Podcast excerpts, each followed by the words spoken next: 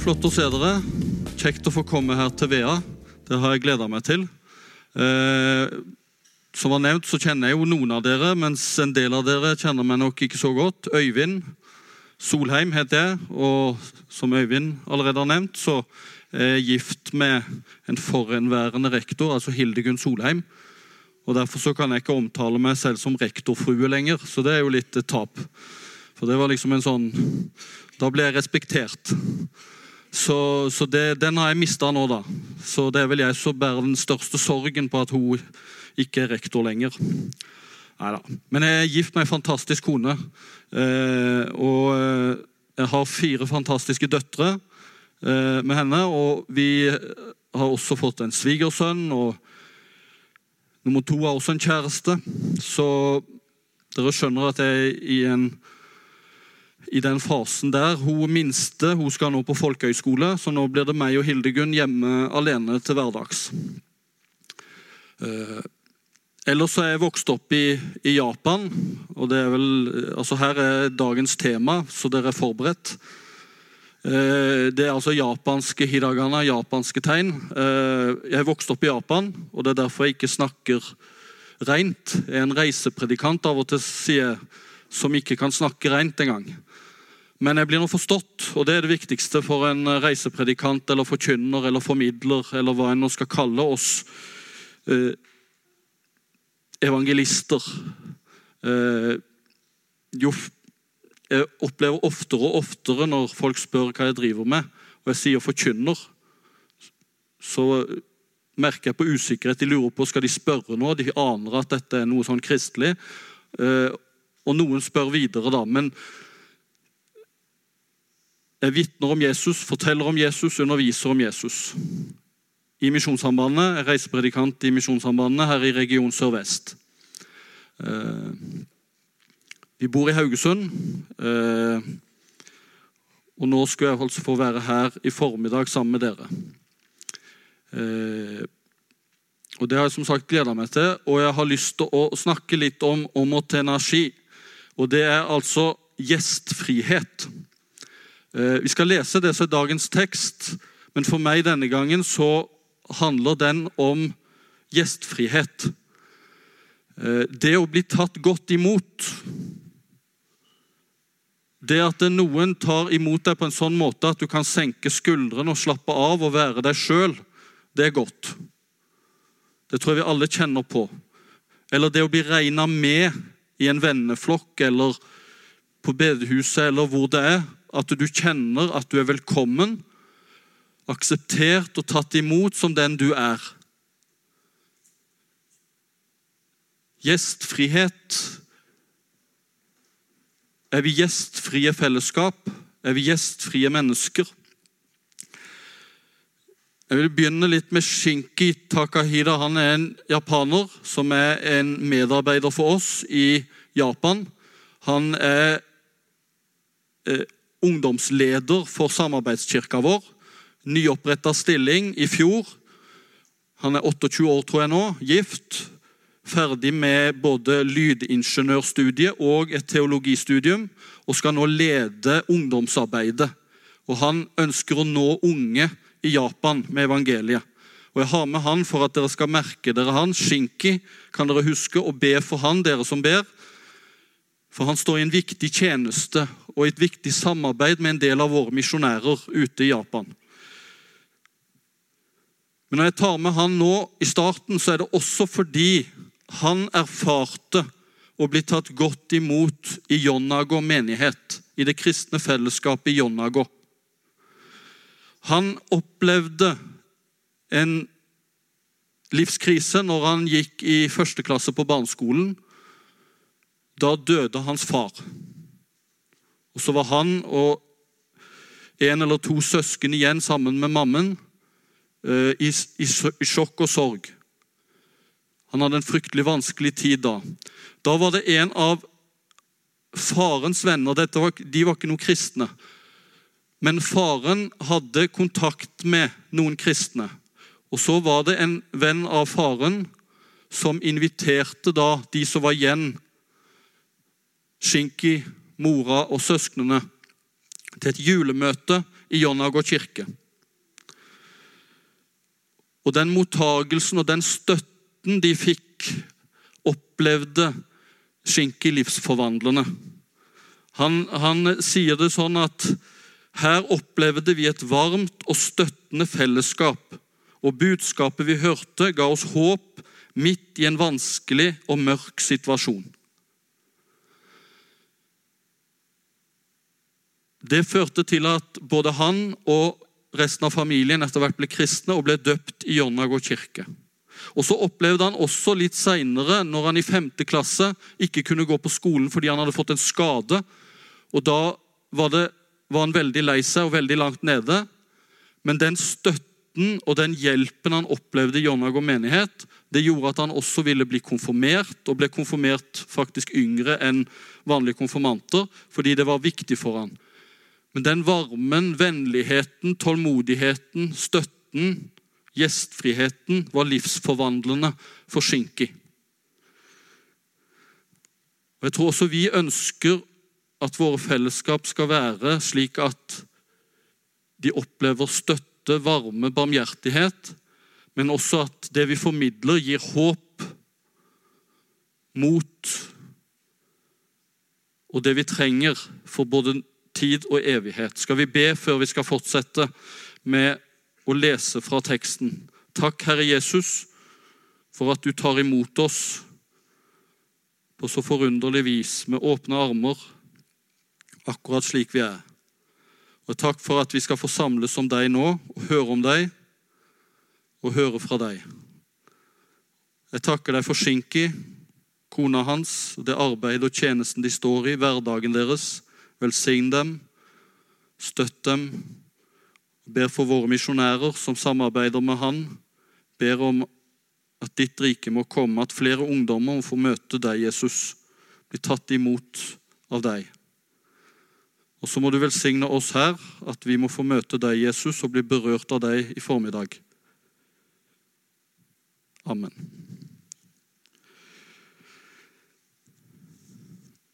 Lukas 5 og fra vers 27. Deretter gikk han ut, og han så en toller som hette Levi, sitte på tollboden. Han sa til ham, 'Følg meg.' Og han forlot alt og sto opp og fulgte ham. Levi gjorde så et stort gjestebud for ham hjemme i sitt hus, og det var en stor mengde tollere og andre som lå til bords med dem. Fariseerne og de skriftlærde knurret da mot disiplene hans og sa:" Hvorfor eter og drikker denne sammen med toller og syndere? Men Jesus svarte og sa til dem, Det er ikke de friske som trenger lege, men de som har ondt. Jeg er ikke kommet for å kalle rettferdige, men syndere til omvendelse.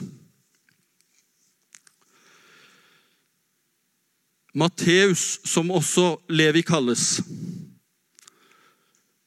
han opplevde noe denne dagen. Han var på jobb i tollboden sin. Han jobbet som toller, krevde inn penger på vegne av andre og var veldig upopulær fordi han var i det yrket som ofte ble regna som nesten som landsforræderi. Iallfall var det lite populære folk, og de utnyttet ofte sin stilling til å berike seg på andres bekostning. Og Det er noe vi liker dårlig, vi mennesker, når andre blir rike på vår bekostning. Matteus han var på jobb denne dagen. Og så blir livet hans aldri det samme. Hva var det som rammet Matteus denne dagen? Eller hva var det så Matteus ble utsatt for? Det som ble litt nytt for meg det, denne gangen, det var det at Jesus ble nettopp ut, nei, Matteus ble utsatt for et gjestfritt nærvær. Jesus kom inn eller til tollboden med sitt gjestfrie nærvær. Matteus ble overrasket av at Jesus, en rabbi, en lærer, en som det gikk rykter om, en som mange lurte på hva er det med denne Jesus Og Så kommer han, og så sier han til Matteus, 'Følg meg'. Jeg vil være din venn. Jeg vil ha deg i mitt følge.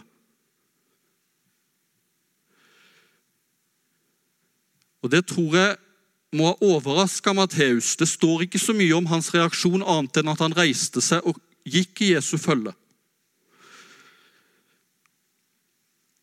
Jeg har tatt med et maleri som jeg er veldig glad i, som er veldig berømt. Eh, noen av dere har helt sikkert sett det, andre er det kanskje nytt for. Det er malt av en Caravaggio, eh, som har en ja, brokete og dramatisk livshistorie. Han var ingen helgen, for å si det sånn. Han ble bl.a. anklaget for et mord. Han hadde selv masse utfordringer i livet. Men dette maleriet, eller flere har han, som er veldig sterke i forhold til å ha levd seg inn i den situasjonen som skildres i Bibelen. Her ser vi eh, ja, Det tror vi er Matteus. Og så er det Jesus her i utkanten som peker mot Matteus og sier 'følg meg', eller 'jeg har valgt deg som min. Og så Hvis en ser, klarer å se det i ansiktet, så ser det ansiktet veldig overraska ut. Det er liksom som han peker på seg selv. Er det meg du virkelig mener? Caravaggio har satt dette inn litt i sin tid. Her er de kledd som på 1600-tallet. Det er som en spillebule eller en bar eller taverna. Et sted de respektable, kanskje de kristne, ikke går. Og Tollboden var på en måte også litt, det var et urent sted. Tollere de kunne ikke vitne i retten. Jøder kunne lyve til tollere, og de ble regnet som urene. Og Derfor så fariseerne og de skriftlærde og fromme de ville ikke ha måltid med eller være i nærheten av eller berøre tollere.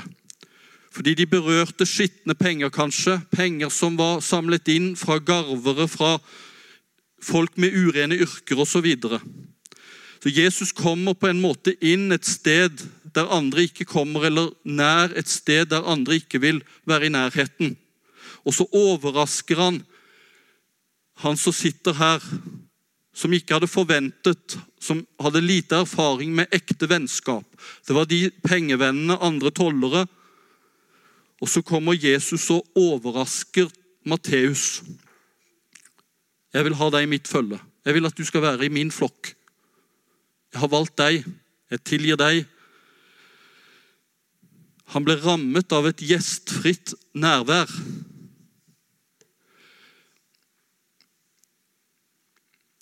Jesus han sier, 'Kom til meg, alle dere som strever av tungt å bære'. Han sier, 'Kom til meg, du som tørster'. Han inviterer ethvert menneske. Han er kommet for å invitere alle. Men Jesus han sier ikke bare 'kom' og venter på at de skal komme. Nei, han går rundt som en gjeter og leter opp de som har kommet bort eller som en kvinne som leter etter en mynt som hun har mistet, i smykket som ikke er fullstendig lenger pga. denne sølvmynten. Eller som faren som speider etter den bortkomne sønnen, og som når han får øye på han, løper han i møte og kaster seg om halsen på han. Det er å blitt utsatt for et gjestfritt nærvær. Denne dagen ble alt forandret for Matteus. Det var hans omvendelse. Det var hans kall også til tjeneste, til et følge med Jesus. Og Det kan sies mye om hva omvendelse er. Det er jo å skifte helt retning, snu helt om. Men når Jesus snakker om omvendelse i den store lignelsen som er hentydet til nå, med den bortkomne sauen og bortkomne mynten og den bortkomne sønnen, Da snakker Jesus altså om det å bli omvendt, det å bli funnet. Denne sønnen var tapt, men er nå funnet. Det å komme hjem, det å bli funnet av Jesus, han som går rundt og oppsøker de tapte. Han har oppsøkt deg, og han har oppsøkt meg. Uansett hva livshistorie, uansett hva synderen har. Om andre regner en som en synder, håpløs osv., så, videre, så er ingen håpløse for Jesus. Et gjestfritt nærvær.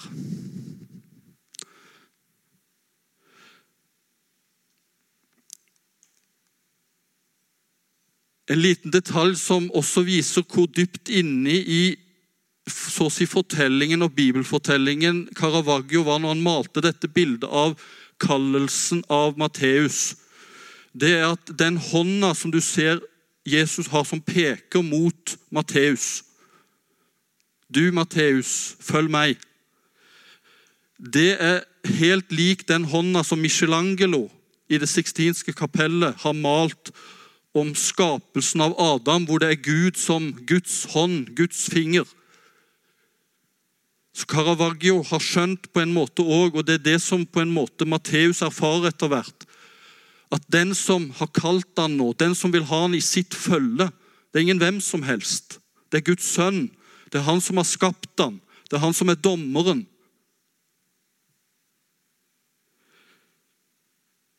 Matteus ble aldri den samme igjen. Han er også den som regnes for å ha skrevet Matteusevangeliet. Men så står det videre om at Matteus stelte i stand et selskap for Jesus. Og Her kommer vi på en måte inn i det som jeg vil si også handler mye om hva et kristent fellesskap er. Og et kristent fellesskap handler om. Jo, det er å være samlet rundt Jesus. Jesus, han, Det var noe spesielt med Jesus og måltider. Men her var Jesus invitert til én, og det blir reaksjoner. Vi hørte det når vi leste. Det står at de knurret eller murret eller sånt over at Jesus, en rabbi, en lærer, en mester, spiste med denne tolleren Matteus og med andre syndere og andre som var der i det selskapet.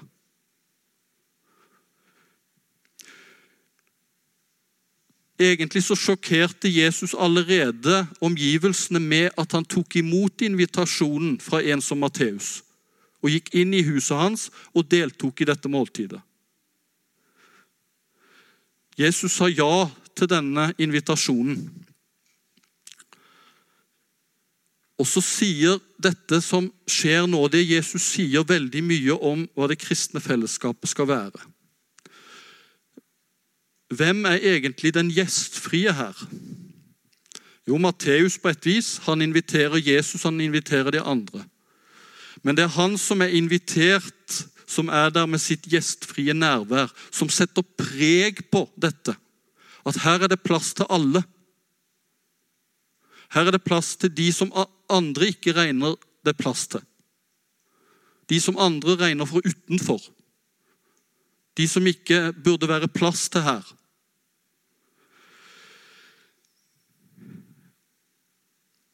Og Jesus hører og registrerer innvendingene. Du kan da ikke spise med sånne. Tollere, syndere, prostituerte.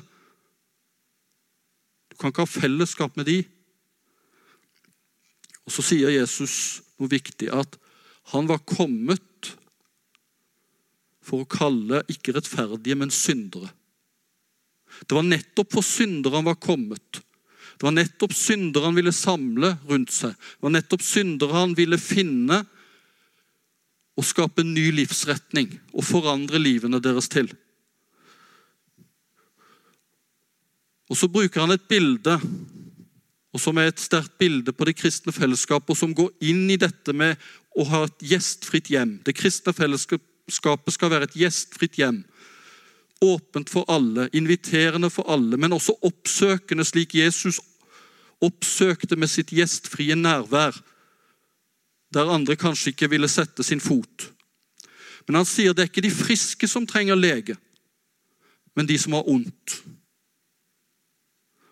På en måte banker det inn, trykker det inn, gjør det helt tydelig. Det er nettopp for de syke jeg som Sjelenes lege er kommet. Det kristne fellesskapet skal være som et feltsykehus. Det er nettopp de som ikke mestrer livet, de som livet har gått i stykker for, de som er blitt såret og krenket, de som har tatt dumme og dårlige valg, de som har syndet, de som har vært onde, de som har sviktet. Det er nettopp de som trenger en frelser. Det er nettopp de som trenger en Jesus. Jesus betyr jo Herren frelser. Det var nettopp for slike Jesus var kommet. Det kristne fellesskapet skal være som et feltsykehus og som et gjestfritt hjem.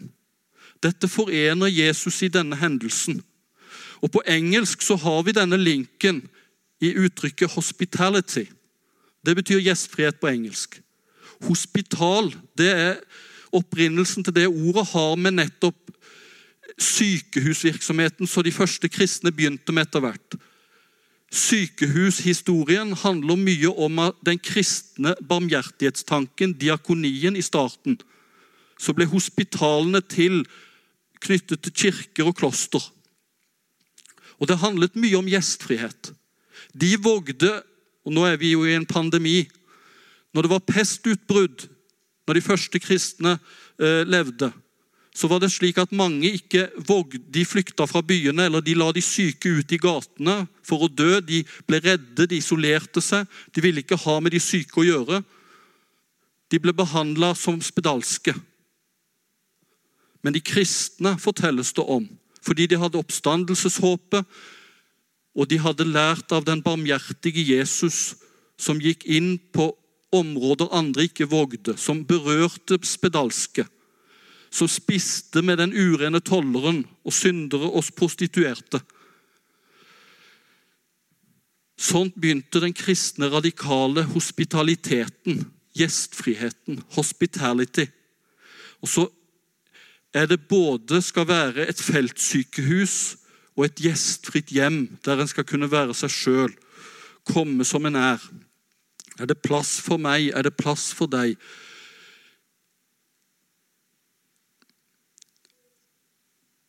Det kristne fellesskapet skal være der du kan komme nettopp når du ikke mestrer livet, eller når du ikke mestrer kristenlivet. Vi tenker av og til som den kona som det fortelles om, som en, en morgen begynte å, uh, drev og styrte og vaska voldsomt. og Så kommer mannen ned trappa og stått opp, og så lurer han på hva i verden er det nå du ståker med og vasker sånn for i dag.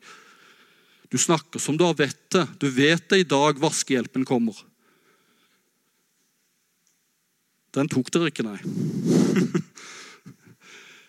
Men sånn oppfører vi oss av og til. Vi tenker at vi må ha det rent og pyntelig og skikkelig i livene våre før vi kan komme til det kristne fellesskapet, før vi kan komme til Jesus. Slik som denne kona som ville vaske før vaskehjelpen kom. Det måtte iallfall ikke være for skittent. Og Sånn tenker vi òg ofte i møte med Jesus, i møte med den kristne tro, i møte med det kristne fellesskapet. Jeg bør iallfall skikke meg noenlunde. Skal jeg komme der? Jeg kan ikke slite for mye med psyken, f.eks. Med angst eller med tunge psykiske lidelser. Eller jeg kan ikke slite med ekteskapet. Mannen og jeg har flytta fra hverandre. Vi er i krise. Det er sjelden de som i den fasen våger seg på bedehus eller i kirke. Men nettopp da er det Jesus ønsker at nettopp de skal få komme og bli tatt særlig hånd om. For det skal nettopp være et feltsykehus, et hospital, et gjestfritt hjem, nettopp for de som er syke, de som det har gått i stykker for.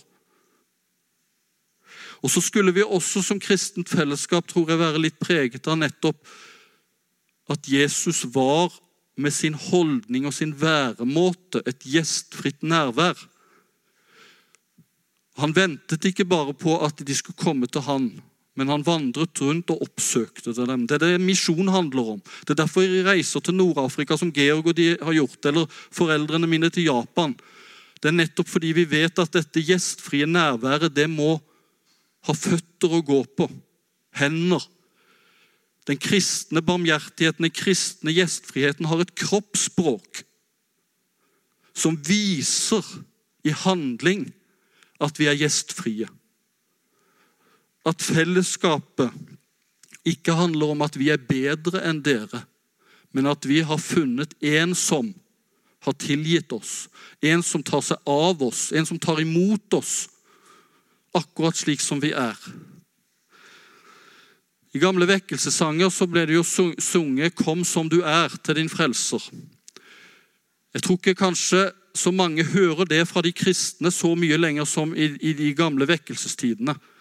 Faktisk i dag, de som når fram med det budskapet 'Kom som du er', vet dere hvem det er? Det er McDonald's. Har dere sett reklamen? Den er en tid tilbake, tror jeg. Det var når de begynte å introdusere frokostbuffeen.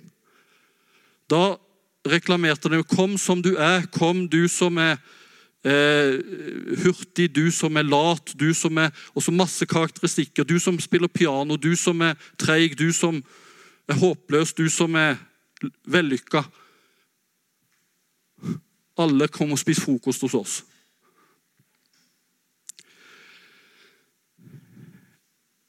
Vi trenger å nå ut med dette til hverandre, til folk her på Vea og utover.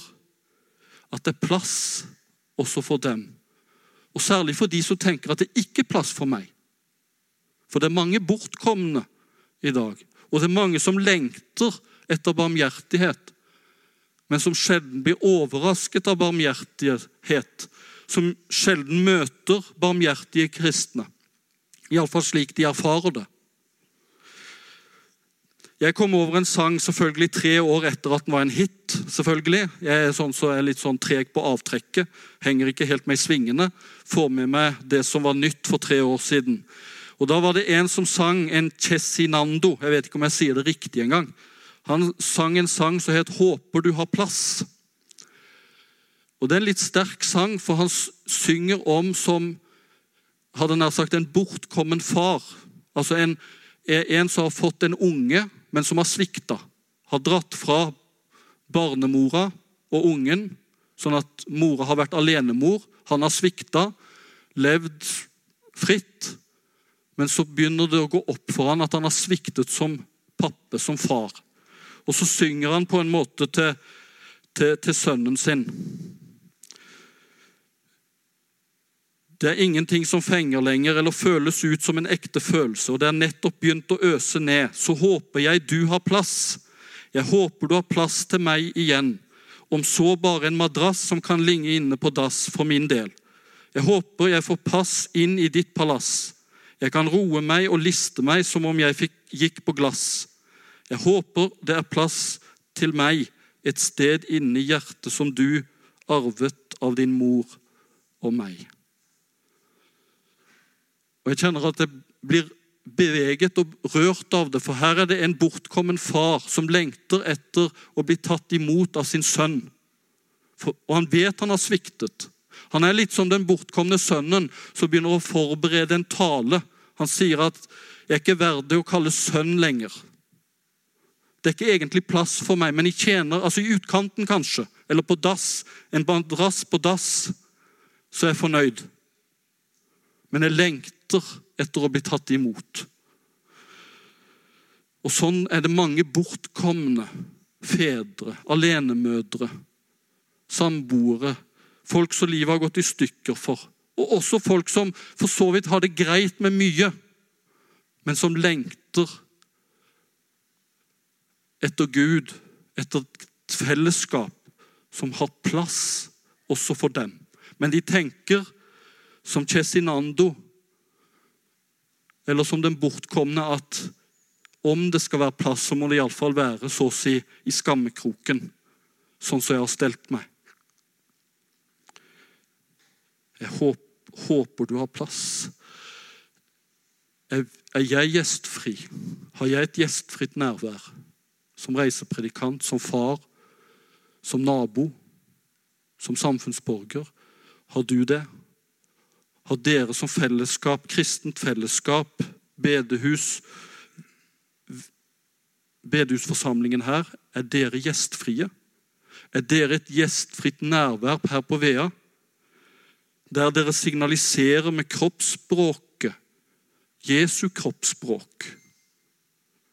Ved at dere ikke er redde for å så å si bli skitne på hendene eller tråkke på feil steder eller ha med feil mennesker å gjøre, men at dere som Jesus kommer med et gjestfritt nærvær. Hos Jesus er det plass, og hos oss er det plass. Uansett hvordan livet ditt er og har vært. Det er plass også for deg.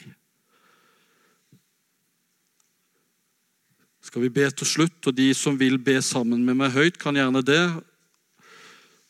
Og de som bare vil be inni seg, så er det greit. Herre Jesus Kristus, du står her foran meg. Du er også bak meg. Du er på min høyre side, du er på min venstre side. Du er over meg, du er under meg. Du omgir meg på alle sider. Du bor i mitt hjerte. Du gjennomtrenger meg helt, og du elsker meg, Herre Jesus. Amen.